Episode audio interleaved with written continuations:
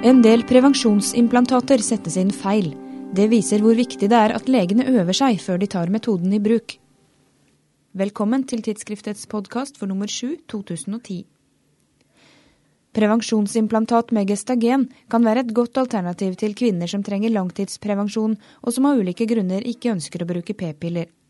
Det finnes to ulike prevensjonsimplantater på markedet, Jadel og Implanon, og disse har en virketid på henholdsvis fem og tre år, forteller Nils Petter Jørgensen. Han er gynekolog ved Volvat medisinske senter i Oslo og medisinsk rådgiver i MSD. Fordelen med dette her er jo at du har en effektiv prevensjonsvirkning i den tidsperioden som jeg eh, anførte nå. Er den satt på plass, så virker den. Og på plass er hvor? Ja, det er under, altså på medialsiden av den ikke-dominante overarmen. Altså like over albueleddet på innsiden av overarmen i furen der hvor bicepsmuskelen ligger. Der skal den ligge.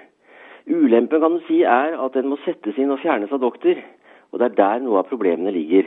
For problemene dreier seg om avvik ved innsetting og uttak av disse prevensjonsimplantatene. Jørgensen har undersøkt dette nærmere og presenterer funnene i en artikkel i tidsskriftet. Han har gått gjennom det som er meldt avvik fra februar 2002 til juni 2008. I denne perioden ble det solgt nærmere 13 000 implantater. Det var i alt meldt 112 avvik, altså i underkant av 1 av samlet antall solgte implantater i denne perioden. Eh, og Det er jo ikke mye, men når det gjelder disse avvikene, så har det konsekvenser for pasienten. fordi de fleste avvikene det var rett og slett det at uh, applikatoren uh, hadde tatt med seg staven ut igjen.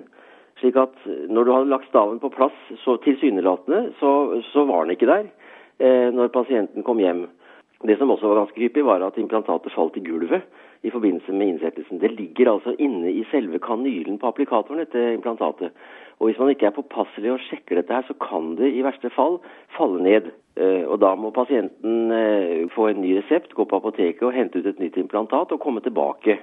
Eh, det som også var et problem, var at det kunne legges på feil sted. Vi hadde et eksempel der det ble lagt på utsiden av underarmen. Det kunne også legges litt overfladisk over bicepsmuskelen, og det gir et problem igjen. fordi de som da driver med litt sånn muskelarbeid, trening og sånt da vil det forårsake smerter og ubehag. Og så var det også et annet tilfelle, en andre tilfeller som var problematisk, og det var at det settes inn på feil tidspunkt i menstruasjonssyklus. Altså Hvis det settes inn etter at kvinnen har hatt eggløsning, så kan hun i teorien være blitt gravid når preparatet settes inn, når implantatet settes inn. Og det eh, er jo heller ikke eh, ønskverdig. Jørgensen fant at feil eller manglende innsetting førte til ni graviditeter i perioden. I fire av tilfellene skyldtes det at inngrepet ble gjort på feil tidspunkt i menstruasjonssyklusen, og i fire andre tilfeller skyldtes det at implantatet hadde blitt med applikatoren ut igjen. Det var også en graviditet vi fant, og der var det satt inn et eh, såkalt eh, placeboimplantat, altså en sånn et demonstrasjonsimplantat uten virkestoff. For å unngå feilinnsetting må man følge prosedyren som er beskrevet i pakningsvedlegget. Ifølge Jørgensen er det egentlig ikke så vanskelig. Det er ikke vanskelig, men det er litt sånn mikk-makk med denne, denne, denne, saken her. Fordi det er en kanyle, og den kanylen eh, den sitter på en såkalt applikator.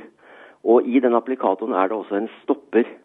Og hele greia er at hvis du setter kanylen like under huden, legger applikatoren parallelt med huden, løfter huden litt opp, slik at du på en måte kan palpere selve nåla gjennom huden, eh, så setter du den da inn så langt den kommer på dette stedet på overarmen som jeg nevnte fra i stad, altså på innsiden av overarmen, 6-8 cm over albueleddet.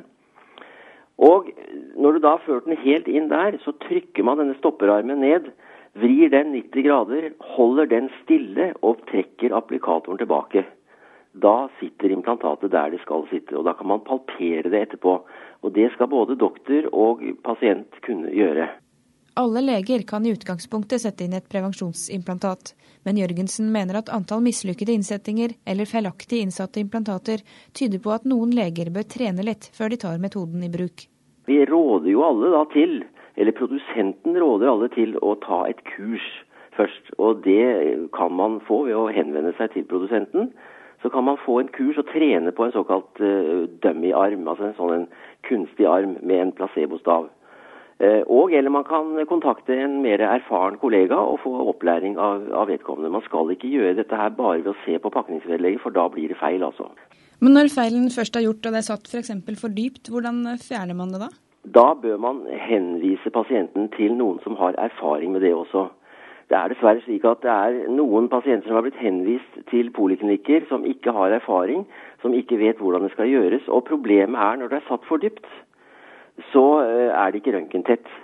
Eh, det kan kun lokaliseres med MR eller med ultralyd, og ikke vanlig ultralydutstyr heller. Det må være altså ultralyd med en høyfrekvent eh, lineær transducer, helst 12-15 MHz. hos oss, det vi brukte, var en 11 MHz transducer. Og da legger du den på armen. I et tverrsnitt så ser du da denne, dette implantatet som en hvit prikk som kaster en svart skygge ned i, i underliggende vev. Og det vi da gjør, er at vi tegner opp med tusj på armen beliggenheten, lokalisasjonen til, eh, til staven. Og så legger man et longitudinelt snitt, da selvfølgelig i lokalanestesi, og dissekerer seg forsiktig ned i vevet. Lokaliserer staven og fjerner den. Altså Det som er viktig, er at man unngår selvfølgelig å komme i kontakt med nerver og, og, og blodkar. Derfor så skal ikke dette gjøres av Gud og hvermannsen, men det bør gjøres på få steder av få hender av folk som har erfaring og kompetanse i kirurgi og bruk av, av ultralydutstyr. Du kan lese artikkelen til Nils Petter Jørgensen i tidsskriftet nummer sju. På gjenhør.